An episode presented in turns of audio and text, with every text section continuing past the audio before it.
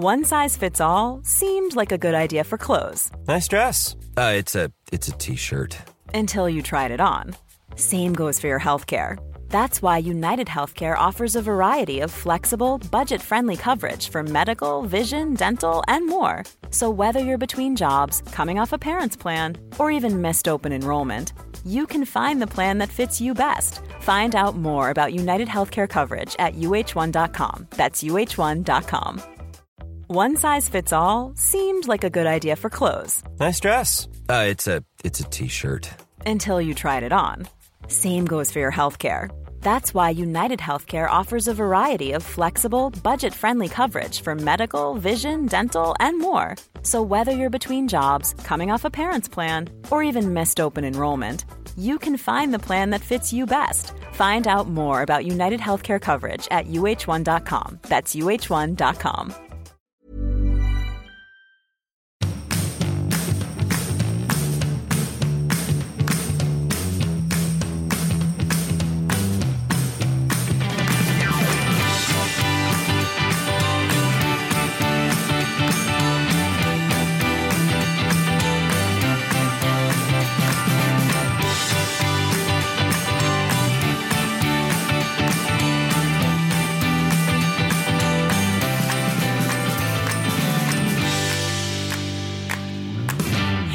och välkomna till ett lillelördag i solsken fast det blåser islandsvindar. Ja, Islandsvindar? mm, det är en storm från Island som är på väg in och jag har hål i, på knäna på mina jeans och jag frös något alltså djävulusiskt. Ja, jag vet. Genom märg och ben. Ja, det var verkligen genom märg och ben. Skulle man varit på en strand i Thailand? Mm, det skulle man. Ah, ah, ah. Men du, eh, jag vill börja med att tacka alla er som har lyssnat på senaste Lillelördag Crime. Ja, alltså det är jätteroligt att ni har hittat dit nu. Det här är ju liksom ett stående moment varannan vecka hos oss. Ja, det känns också eh, väldigt spännande för oss. Ja, att ge sig in i olika så crime som man är nyfiken på. Ja, men framförallt så vill ju vi prata om brott och kv- alltså kvinnor som har varit utsatta för brott och också kvinnor som begår brott fast från en annan vinkel. Alltså ett lille lördagsperspektiv precis som vi brukar gagga och analysera grejer. Och snart kommer också massa duopoddar här. Vi ska prata igen med Nisse och Manne och sen kommer även Sissi och Natasha hit. Ja, och Redgert och Margot. Ja, det blir roligt. Och Sofia och Pernilla. Ja, Ja. så ni har mycket att se fram emot i vår. Det vill vi lova. Ja, och eh, jag läste Och vi faktiskt... ska också ut på turné. Ja, det ska vi göra. Förlåt att jag avbröt dig. Nej ja. men alltså vi ska ut på turné så att vi håller på att planera vårt turnéschema nu. Och vi har ett jätteroligt samarbete på den här turnén som ni garanterat kommer uppskatta. Eh, så vi håller på och snickrar på alla detaljer nu. Så är det någon stad som absolut, absolut vill att vi kommer och har någon liten eh, lokal där som kan fylla 200-300 pers. Då tycker jag att man hör av sig till mig på info at anitaschulman.se. Info at anitaschulman.se. Och så kommer vi kanske behöva ha en hjälp av en ambassadör på orten som hjälper oss att dra ihop det här gänget som ska få komma på förfest med Ann och Anita. Och ni, ni ambassadörer blir rikligt belönade. Ja, så så är det. Så det är mycket på gång nu va? Ja, livet är härligt. Ja. Men eh, jag läste faktiskt en eh, intressant bok eh, som handlar om så här, mål i livet. Och eh, jag tog till mig det där att man tänker så ofta så här, gud, nu ska jag göra upp en femårsplan och det här året och den, det här livet och bla bla bla. Men, men det som lyckas allra bäst är ju de här korta målen som man kan visuellt se och du och jag pratar ju mycket om så att man ska ge varandra morötter att säga, ah, men när jag har klarat det då, då får jag någon liten grej eller Du och jag, det är väl du? nej, men, in mig nej, din nej, men jag menar att man ska, ska, ge sig själv belöning. Absolut, och det ja. behöver inte vara så här en resa till Maldiverna utan det kan faktiskt vara en morot. Ja. Kaninmorot. Men, men just det här att man eh, och att man också försöker skaffa sig någon som kan så här, pusha en. En mentor, en kompis, en arbetskamrat. Att så här, det viktiga är inte att prata med sin chef. Det viktiga är att prata med sina kollegor vad man kan göra saker och ting bättre. Som vi gjorde häromdagen. Faktiskt. En liten brief. Nej men en kompis till mig hon utmanar ju då sin man två gånger per år. De träffas på restaurang. Eh, De får säga två saker som de tycker är jävligt bra med sin partner. och en sak som de vill att den ska bli bättre på. Eh, alltså så här, love goals för nästa år. Tycker det, är så här, det är en enkel sak men man får gå ut och käka middag, ha lite härligt och eh, man får inte ta illa upp då. Nej, nej, Och det nej. måste liksom vara genomtänkt. Det är inte så här, men jag tycker så här. pff. Eh, och så strävar man för det och sen så efter ett halvår igen så då gör man liksom en liten eh, Ja, man gör en liten sammanfattning och ser så här, hur, hur har det gått? Tycker du att jag blir bättre på det? Tycker du att jag, vad saknar du i vår relation? Och så, jag tycker det är lite fint. Ja, absolut. För man märker ju att när man lever under lite så här pressade förhållanden med småbarn och mycket jobb och sådär. Då är det jävligt lätt att eh, själv tycka att man så här, man är en ganska bra partner. Men lätt eh, kasta skit på den andra. Så att vi har i alla fall, våra livsskol är, eller våra kärleksgoal, mitt och Mattias, eh, den här, eh, den här närmsta då terminen i kärleksskolan. Det är att vi ska bara så här, låta livet puttra på inte utsätta oss för någonting. Utan vi ska bara säga, jaha, då har vi inte gjort någonting den här veckan heller. Vad mysigt. Det Nej, kommer ju aldrig hända. Men... Det är ju liksom, jag kan ju säga, jag kommer ju själv från ett, eh, en eh, relation tidigare där det var tvunget att vara liksom storslaget och hända stora grejer hela tiden och stora happenings och hej och hå. Liksom. och då liksom den här avtändningen, kan man säga så? Ja. ner till ett normalt vardagslunkelilunk. Mm. Det tar ett par månader innan man så här, först tänker man så här att ens partner är tråkig. Sen man, får man panik för att man själv tycker att man är tråkig. Och sen så liksom tänker man att det är fel på samhället och till sist är man bara så här, jaha så lever de och så lever vi och så är det inte så mycket mer med det. Att man behöver inte värdera allting så himla hårt men det är en avtändningsperiod så det ska bli intressant att följa dig och Mattias eh, gå från 100 till kanske 20.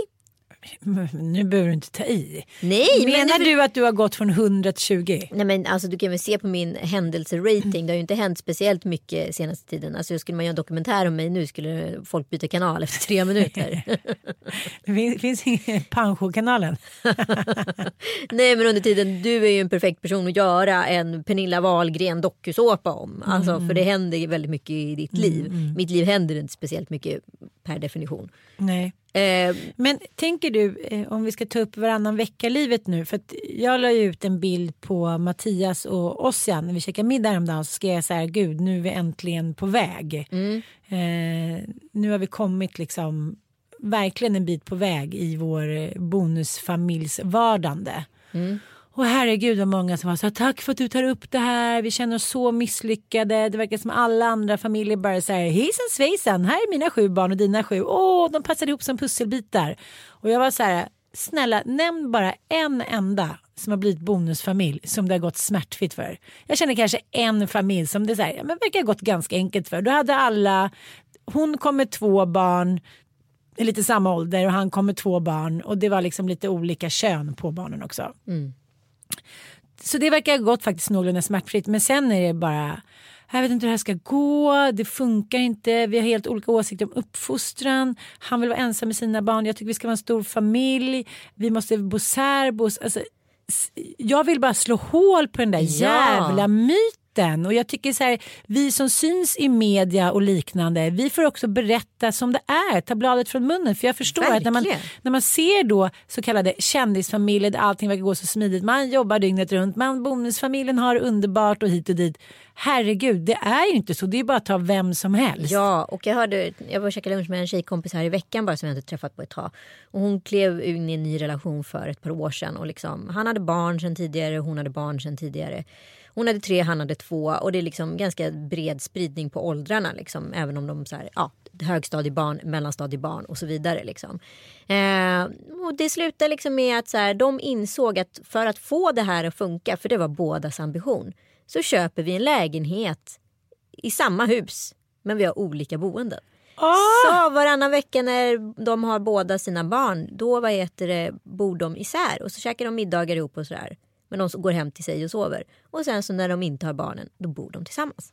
Jag tyckte det var, kändes så vettigt, sunt och fräscht. Och jag kan säga för egen del har jag verkligen analyserat det nu efter Joel att jag hade nog på riktigt inte klarat av att göra det han gjorde. Kliva in i en annan familj och acceptera och respektera någon annans barn, någon annans uppfostran. Jag hade inte alls haft lika lätt för det som jag kan på pappret tänka mig att jag skulle ha. Ja, ja. Jag tror att det var ett oerhört omedvetet strategiskt val av mig att träffa en kille som inte hade barn. Men jag tror faktiskt, nu ska man ju inte så, ta ifrån någon dess Och det är inte, erfarenheter. det är inte men- liksom eh, honung och mjölk varenda vecka hos Nej. oss heller. Det är jättetufft för en kille ibland att liksom bara så här Jaha nu gjorde du sådär med Penny, du, hon kan inte ge henne så mycket och boy. Alltså så att han, tycker, han blir jätteprovocerad. Det är inte hans barn. Nej. Och när jag blir irriterad på mina barn, förstår du hur irriterad han då blir som inte är det? Pappan Ja, till dem. ja. Man måste ju respektera det med. Det är inte mjölk och honung hela tiden. Men sen så går det bra på det stora hela, det måste jag säga.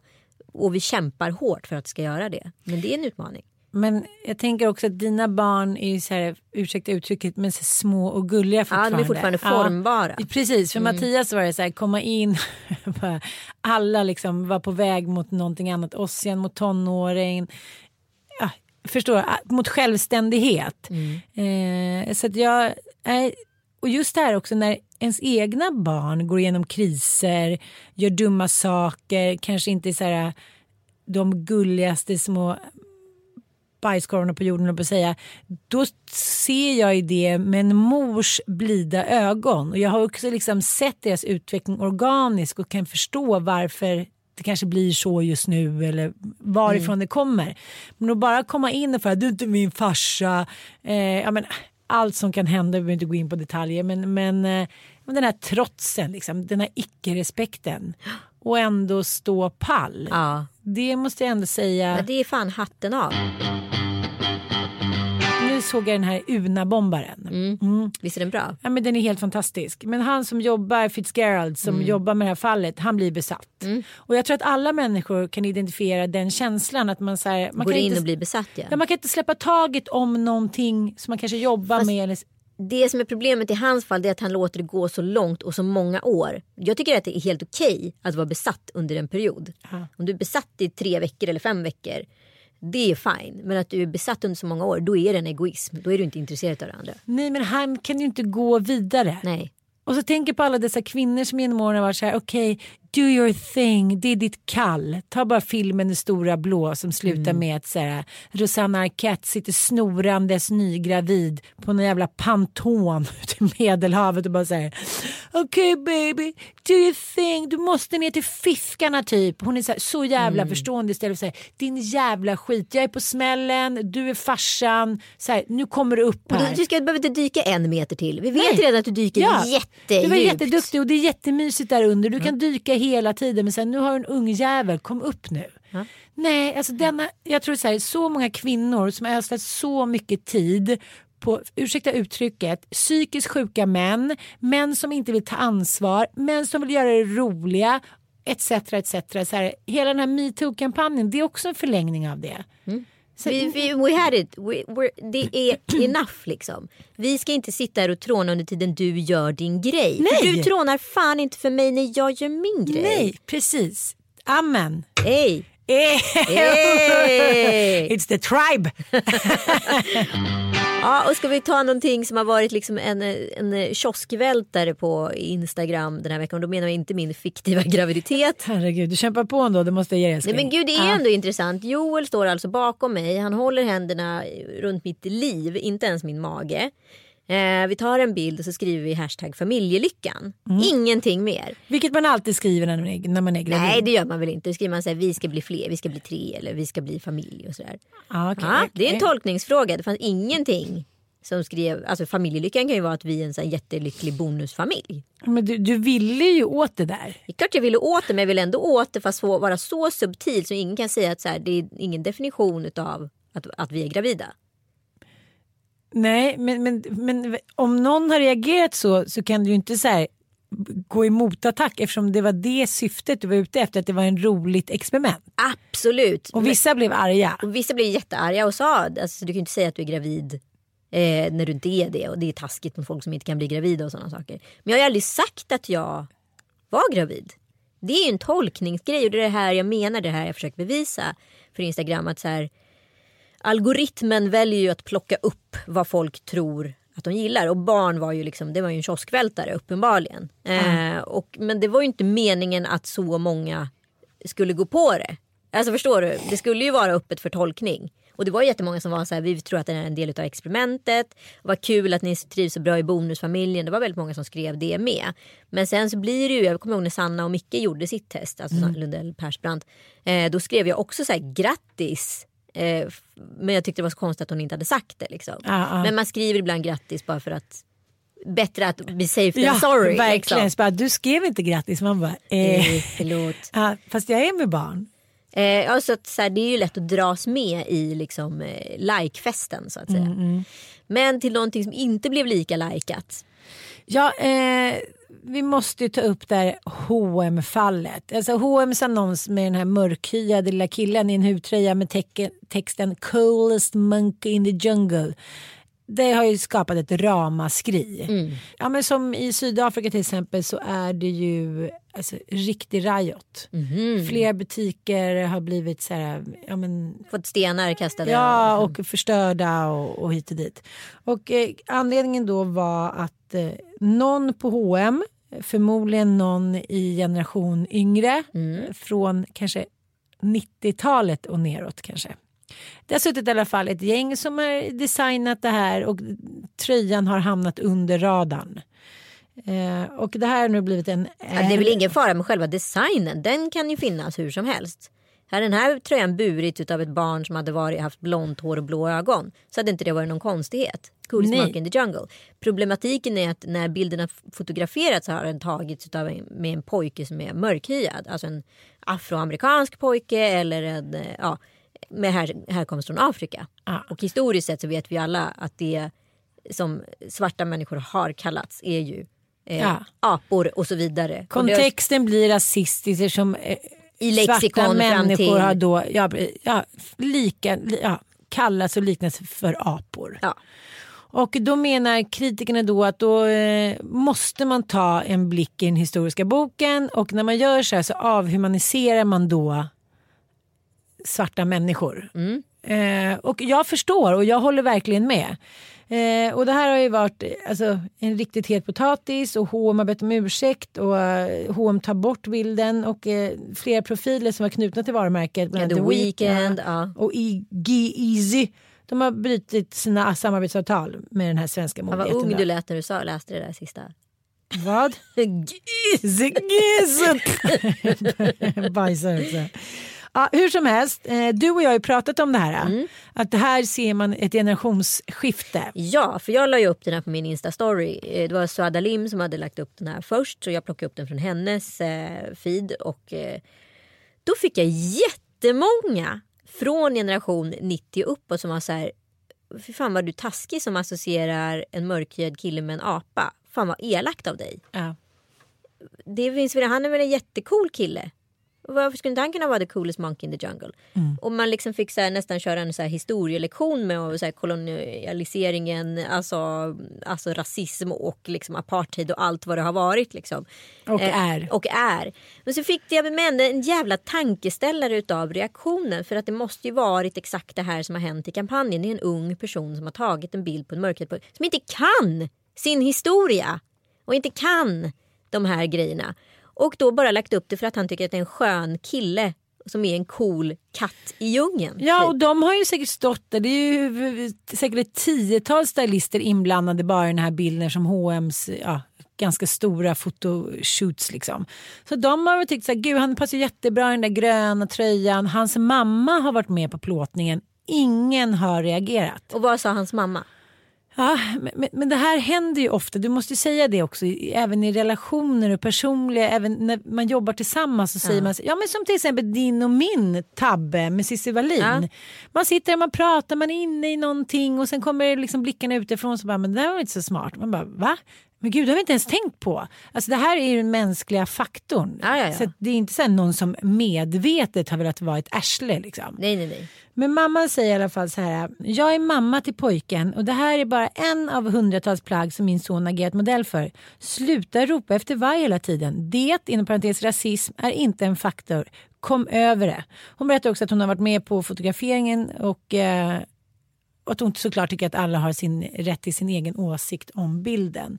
Men det som jag tyckte var så intressant, det som du och jag hamnade i var så här, när får man, alltså jag menar inte att man ska skriva om historien, men den nya generationen måste ju också få ha rätt att inte tycka att det var en rasistisk bild. Ja! För att i deras ögon, de som umgås med helt, vad ska man säga, på ett helt annat sätt än vad vi gjorde när vi var så här 8-9 år. Där integrationen faktiskt kanske har fungerat, låt säga så. Precis, det kanske har fungerat bättre där än vad man tror. Ja. Även om alla är så här, gud det är segregerat, en viss, eh, liksom, eh, de som invandrare bor i förorten hit och dit jag märker på mina pojkar, det finns liksom ingen, de kallar varandra för både ditten och datten och de är liksom från alla olika nationaliteter. Mm. Förstår jag menar? Och de eh, ser inte heller problemet. De skulle aldrig torkat den där Nej, bilden. Och det här är ju en PK-generation så att om inte ja. de har reagerat utan tycker att så här, vadå han är ju en cool apa i djungeln, det är väl inget mer med det. Om det inte är något mer med det för den generationen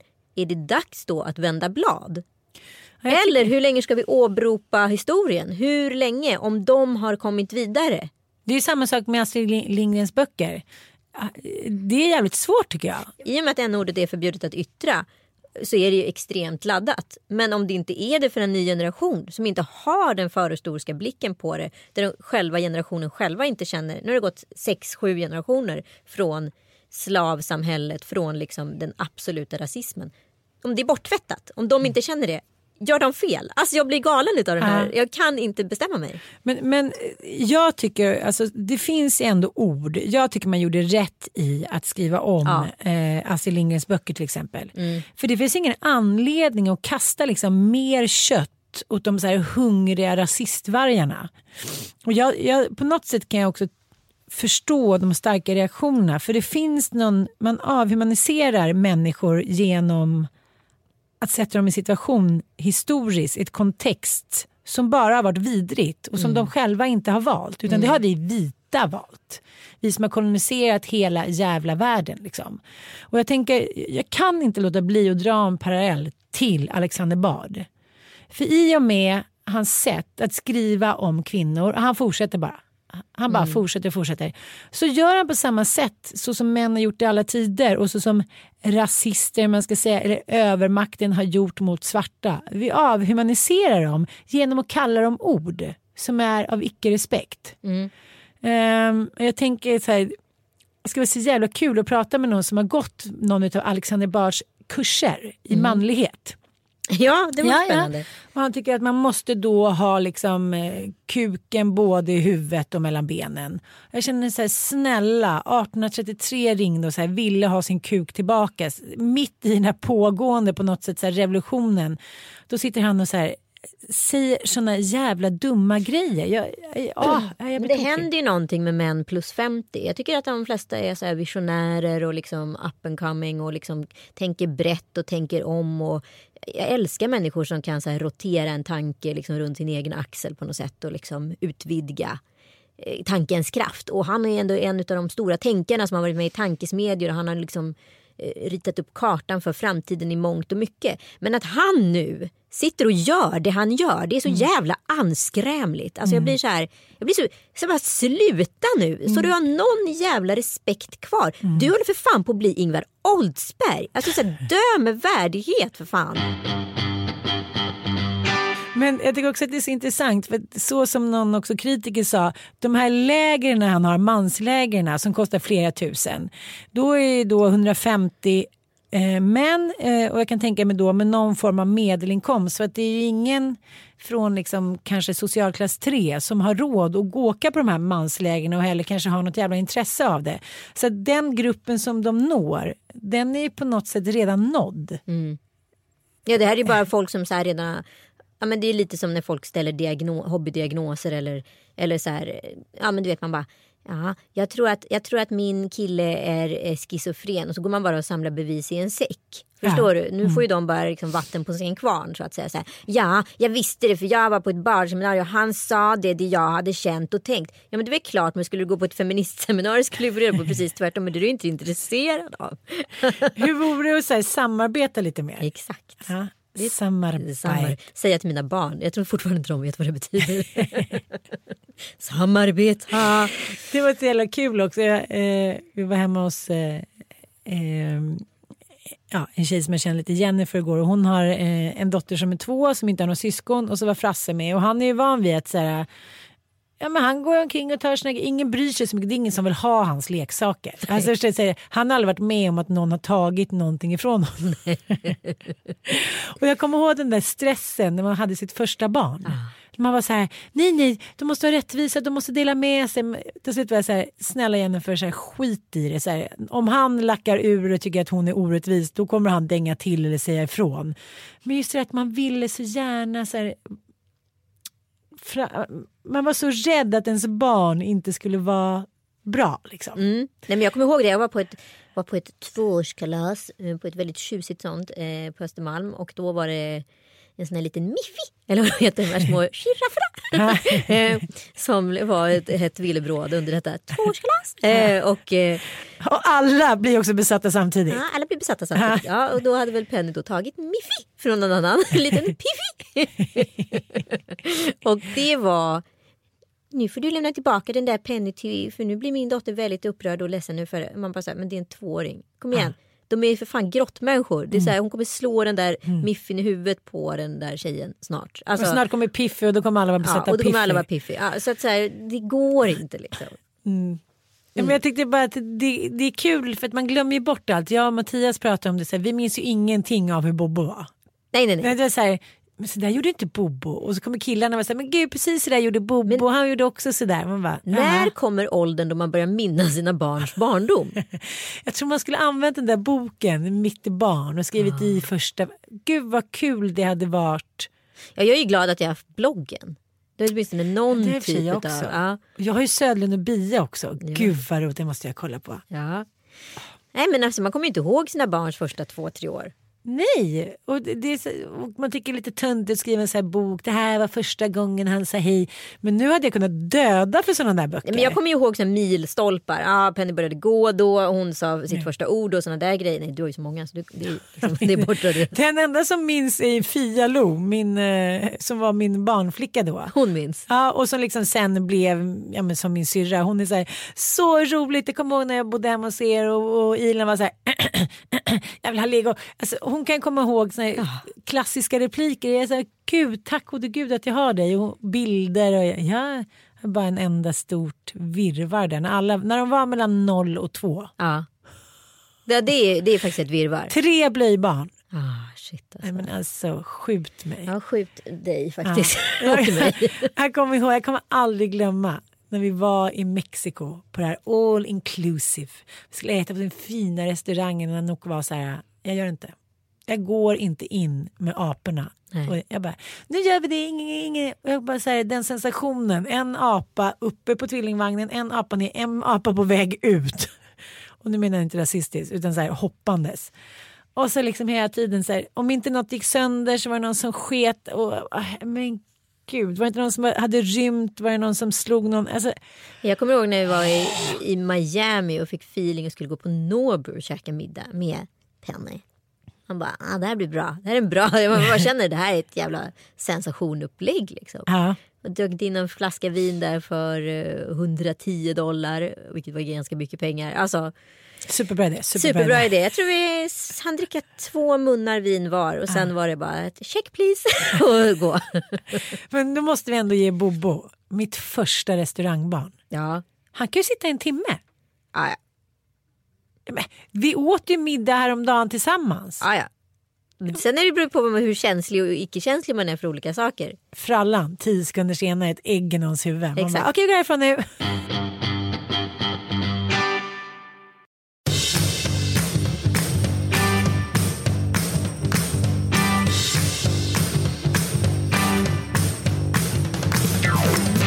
Ja, får jag bara fråga en sak? Jag mm. reagerade på en grej på ditt Instagram i helgen. Jaha. Mm, på din Insta-story. Du la upp en nakenbild på din man. Aha. När han satt på toa. Vad hade, han sagt ifall, vad hade du sagt ifall han hade gjort motsvarande med dig? Fast man ser ju inte någonting. Nej men om han hade lagt upp en bild. Han sitter inte och posar. Han, han, han sitter liksom, han ser inte mint condition ut på något sätt. hade du motsvarande liksom accepterat att han hade lagt upp en sån bild och skämtat om längden på hans tånag dina tånaglar? Nej, det kanske inte var så snällt. Nej, det var inget snällt. Inte göra så han. Jag tyckte han var fin. Nej, det tyckte du inte. Du ville skoja lite på hans bekostnad. Ja. Ja, tänk dig för. Ja, det kanske... Jag tyckte i och för sig att det var roligt. Ja, men det kan man tycka, men det behöver man inte lägga upp för 45 000 följare. Det är sant. Men, ja, jag tyckte ändå att det var lite roligt. Ja, men jag tar jättefula bilder på Joel när han ligger och sover och grejer, men jag behöver inte lägga upp det på Insta. Nej, det är sant. Där lägger man bara upp snygga grejer. Där visar man bara den Nej man, inte lägga upp, nej, man behöver inte lägga upp snygga grejer. Man behöver fan inte lägga upp liksom mm, mensbilder eller liksom eh, fula bilder på kompisar eller liksom Men nu kommer, vi, nu kommer vi in i det där som vi precis har pratat om. Ja, Att man pratar om att man vill visa verkligheten men så gör man det inte. Nej men vadå, men vadå visa verkligheten? Är det verkligheten att han alltid är naken och vill klippa tånaglarna? Alltså vad är verkligheten? Det är ju Ja, en men men är definitionsfråga. verkligheten att du och Joel tar 20 bilder innan ni lägger ut en bild som är skitsnygg på er? Ja, det är verkligheten. Nej det är inte verkligheten för då väljer ni den mest Nej, för perfekta det är en del bilden. av verkligheten. För vem? Att vi tar så många bilder innan vi lägger ut en snygg bild. Men det vet väl alla? Det vet väl alla som lägger upp på Instagram? Varför Nej. ska jag visa liksom en dubbelhaka eller liksom... Nej, jag är jag inte tycker så. att Stina Wolter gör fantastiska grejer på Instagram men hon lägger också ner jättemycket jobb på sina bilder. Även ifall hon kallar det för verkligheten. Du menar tvärtom bilder liksom? Ja, jo, men det är ju också ett jobb. Ja men jag tänker så här, den bilden som jag la ut på oss igår med, med mössorna. Ja, Här har jag lite dubbelhaka. ja. Ja, Det är upp till dig att lägga ut det. jo men jag menar, vi, vi pratade precis, vi hyllade om att man måste visa verkligheten så folk inte mår så jävla dåligt över att allting på Insta är perfekt. Sen håller jag med om att just den bilden, ja du har rätt. Det var roligt på hans bekostnad. Ja. Men det är svårt tycker jag. Däremot till att säga, ta 20 bilder och se perfekt ut på varenda bild. Det ställer ju krav. Alltså det gör ju att många människor mår dåligt. Där har vi också ett ansvar. Jo fast vadå mår dåligt? Alltså så här, jag tycker att alla, spelar ingen roll hur man ser ut eller vad man gör. Man gör ju när det kommer till att lägga ut en bild på Facebook eller på Instagram eller sin blogg. Om man nu inte har ambitionen att göra ett antikonto alla Ja, ja, Stina sant. Wolter. Då tar alla 20 bilder. Jag vet ju när du sitter och tar selfies. Du kan ju titta och ta 4-5 selfies innan du får till den där perfekta blicken eller vad det nu är. Ja, och det men- handlar inte alltid, dub- det sitter inte i dubbelhakan eller någonting. Det kan ju sitta i något helt annat. Men all, att så här, alla vet att Insta är ett skyltfönster i det riktiga livet. Alltså, och det, ingenting i Insta är verkligt. Sen finns det en verklighet för de som kanske är upp till 20. Vi- Ja, jag- ja, Okej jag fattar vad du Ja, menar. men alltså, fattar så här, vad du menar. Snapchat är fortfarande störst mellan, för dem mellan så här, 15 och 12 och 15. Ja. Sen har ju Insta klivit in sen Insta Story kom och blivit verkligheten för dem mellan liksom 15 och eh, 45. Ja. Och sen är det Facebook liksom. Och där handlar det om att så här, som jag jobbar med min, mitt Insta, så här, mitt Insta det är mitt skyltfönster, stor Insta. Sen har jag ju storyn där liksom man ser där, där, Där jobbar du på bra. knasiga saker händer eller där jag sänder live eller vad jag nu gör. Liksom. Det är en Mm. annan sak. Liksom. Det är baksidan. Där får man se mig osminkad, ful och eh, Mm, med världens fetaste finne liksom, på näsan. Det är inga problem. Jag kan bjussa på den sidan med. Men jag behöver inte göra det liksom, på Du bekostnad har aldrig av haft någon någon annan. finne. Ja, visst, den är jättefinne på näsan under hela julen. Hade du? Herregud vad läskigt. Ja. Mia och, Mia och familjen är eh, och firar en semester på Hawaii.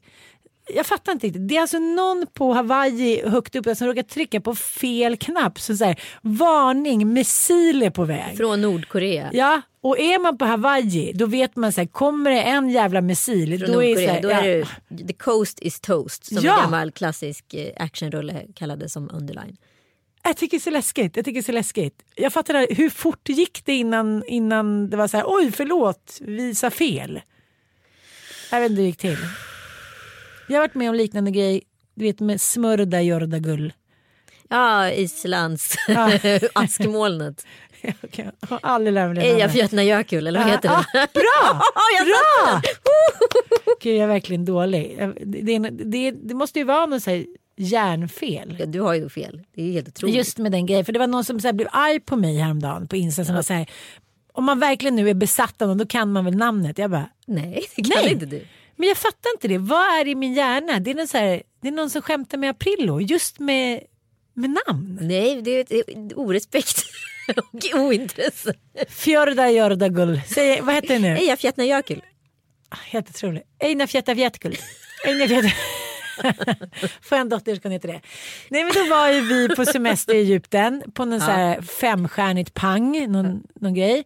Jag, Nanooken eh, och alla barnen och vi har det riktigt härligt. Och så ska jag hem och göra ett jobb och helt plötsligt så kommer det här molnet då och alla flygplan ställs ju in. Mm.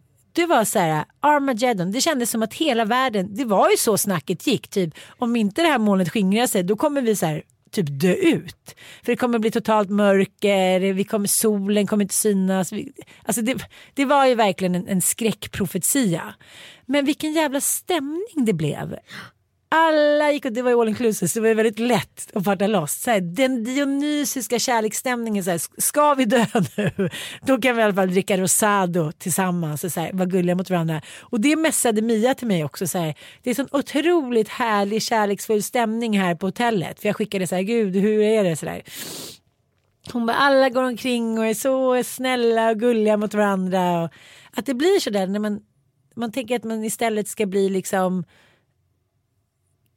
kanske tvärtom stressad och börjar bråka med folk. Men, men när man tänker att slutet är nära då blir allt, då är det ingenting som betyder någonting mer än familjen och kärleken. Nej men så är det ju. Det är det som är så här, jag kan ju fortfarande bli liksom så beklämd av människor som så här bara jobbar och jobbar och jobbar och jobbar och jobbar och jobbar och jobbar och liksom så här prioriterar bort massa saker. Ja, du själv. Nej, nej, nej. Du och jag. Du, nej, men verkligen nej, människor som inte så här, går in i relation eller liksom skaffar barn. Jag säger inte att det är to fulfill.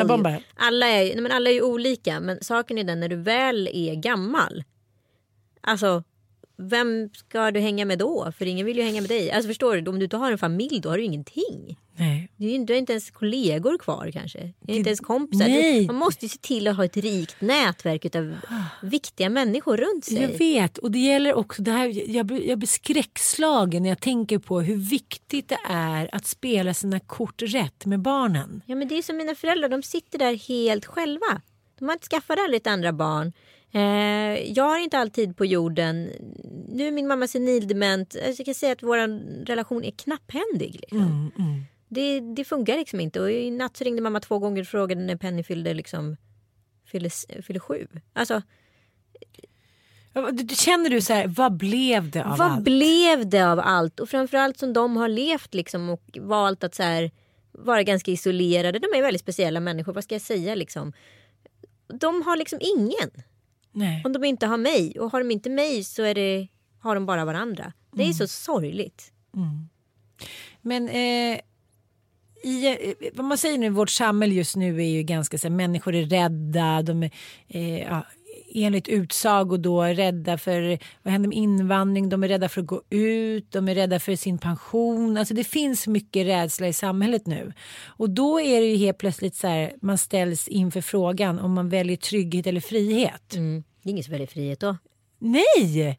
Det blir så himla tydligt. Då vill man bara ha trygghet. Frihet är någonting man vill ha upp till 35. Sen vill man bara ha trygghet. Ja, jag vet. Jag vet. Och det, det, det är så lustigt det där så här, att leva i ett samhälle där man kan få välja så här, frihet och jag menar, så här, på något sätt individens utveckling. Så här, det funkar ju aldrig.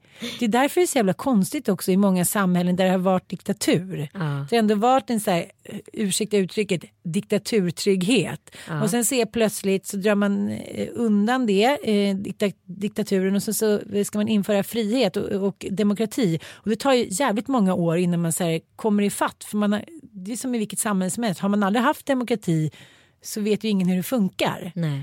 Och då blir det liksom tvärtom effekt. Mm. Det blir otrygghet i demokratin. Mm.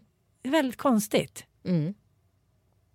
Uh, men samtidigt, hur känner du? Känner du går du omkring och är rädd? Som Katarina Janouch har ju sagt att hon är då rädd när hon går ut och sådär. Jag, jag känner ingen skillnad överhuvudtaget. Nej, och jag menar så här. Alltså det här är också problemet eller att liksom hela tiden samsas med yngre generationer. Förstår du? Vi har ju levt ett långt liv och också äldre generationer. Det känns som det finns två led där. Folk börjar bli rädda igen plus 55.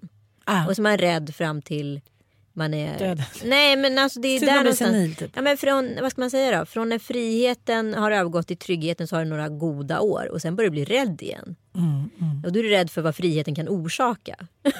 Jo men alltså jag bara tänker så här, vi lever i ett så otroligt tryggt samhälle och alla håller på och pratar om att nu, åh hela Sverige det håller gått på åt helvete, vi måste vara så rädda och försvaret. fan, Tänk om de kommer här, vi har ett Kalle Anka försvar. Men strunt nu i det. Tänk nu historiskt. Kommer du ihåg att när vi var små, det här kommer jag ihåg från typ 80-82. Nej, kanske inte 80 då, men 82 kommer jag ihåg det. Att i telefonkatalogen på första sidan så fanns det en guideline för om kriget kommer. Då Nej. skulle du lägga dig under ett bord. Det stod att man kunde dricka vatten från toaletten. Och det stod massa olika tips på överlevnad. Så kriget har ju varit med oss. Och det har legat där och skvalpat de senaste 40 åren. Det är det Så att- frallan måste ha läst. Dricka vatten ur toaletten, lägga sig under bordet. Var alla småbarn har tagit.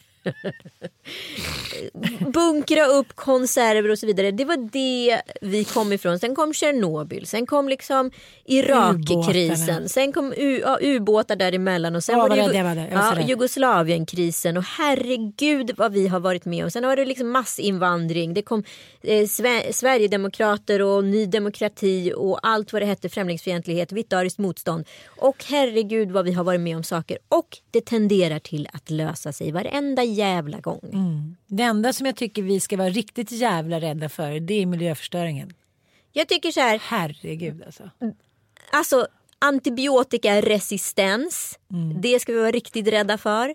Miljöförstöring och vad heter det, eh, alltså matranson, vatten, växthuseffekt, allting sånt. Sådana saker. Men- Med yttre hoten Men påverka hur snabbt det gick sen när man var backpacker i Thailand. Så kom man tillbaka till samma ö fem år senare. Och då var alla koraller döda. Ja, det, där tycker jag att vi alla måste eh, verkligen ta ett ansvar. Men det är ju så här om man nu ska åka med alla barnen till Thailand. Det tar ju väldigt lång tid att åka båt.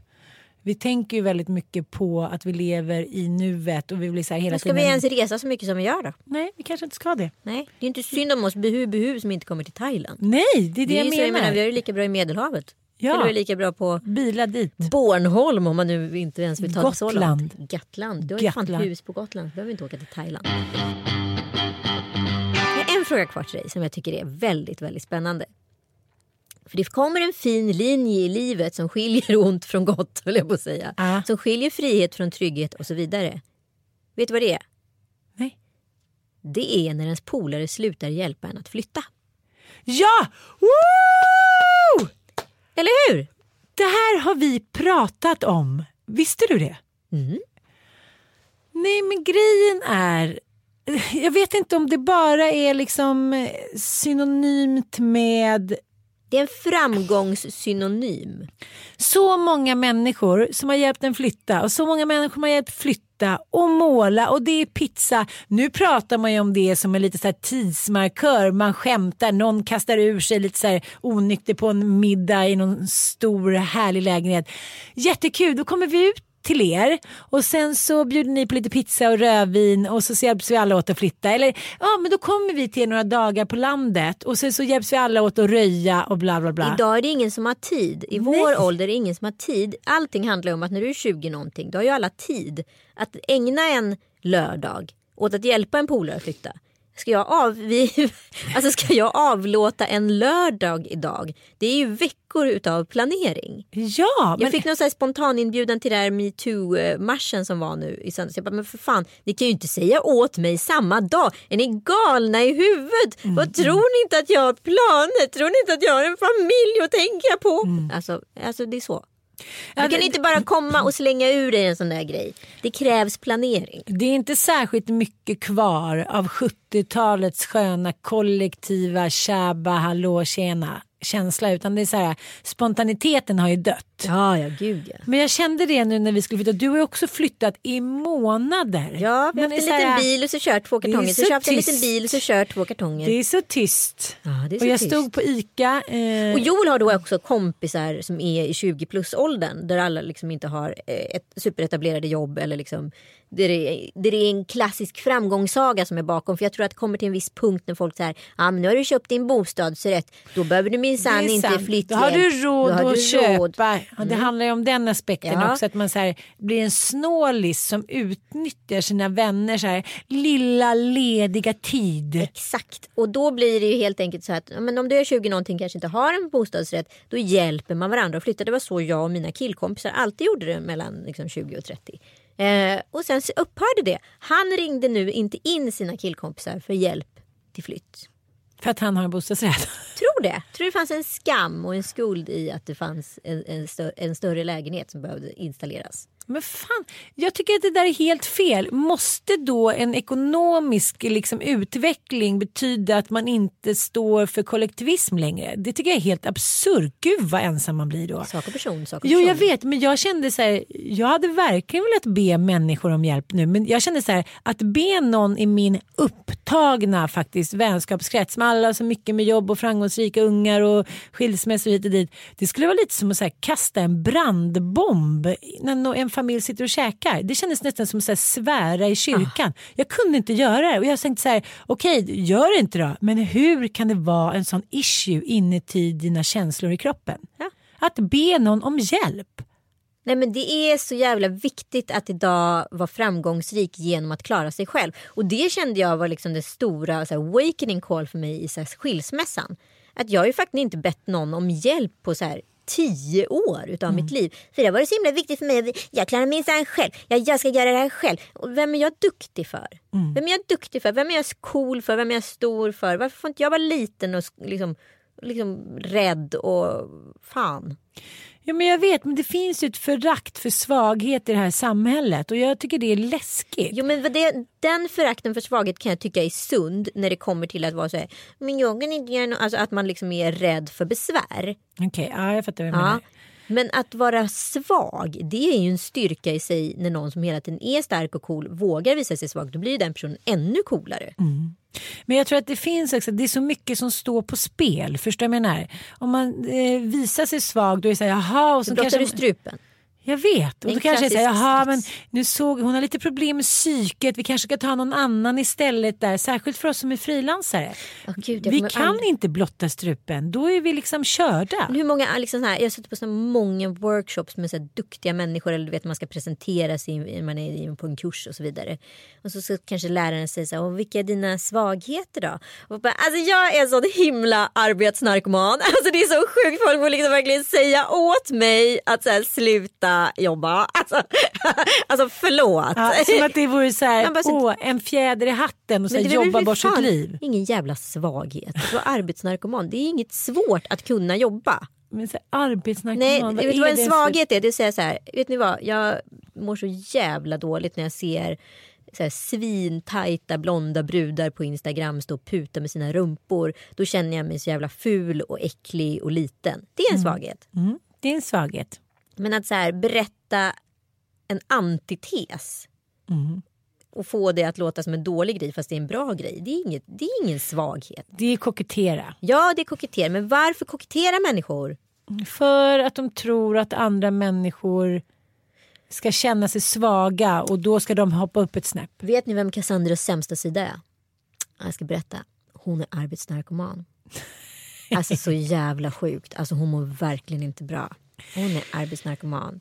Hon verkar så misslyckad. Det är ingen som tänker. Nej, men det är coolt att vara arbetsnarkoman i det här samhället. Det är så här, åh gud, hur många gånger får inte jag höra? Det är nästan det enda folk säger till mig. Jag fattar inte hur du hinner. Nej, men det är ju det folk säger till mig också. Och jag tycker ändå så här.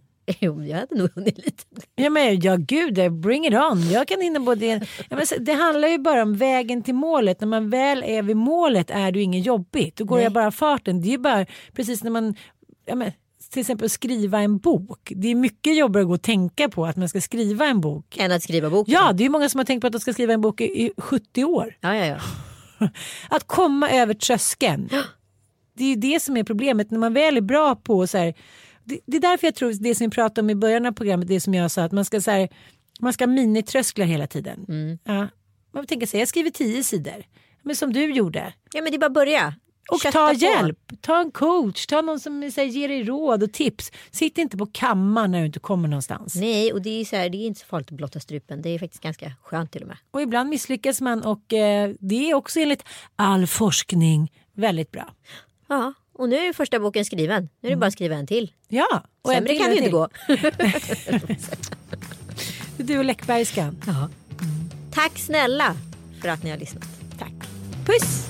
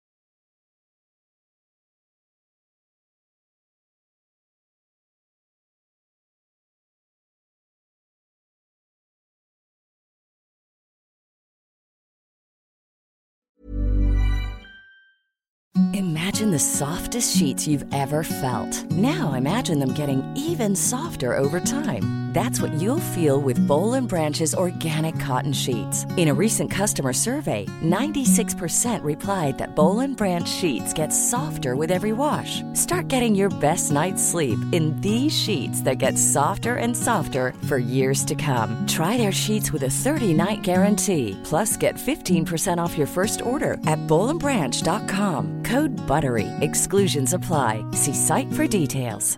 Hey, it's Paige DeSorbo from Giggly Squad. High quality fashion without the price tag. Say hello to Quince. I'm snagging high-end essentials like cozy cashmere sweaters, sleek leather jackets, fine jewelry, and so much more. With Quince being 50 to 80% less than similar brands. And they partner with factories that prioritize safe, ethical, and responsible manufacturing. I love that. Luxury quality within reach. Go to quince.com slash style to get free shipping and 365 day returns on your next order. Quince.com slash style.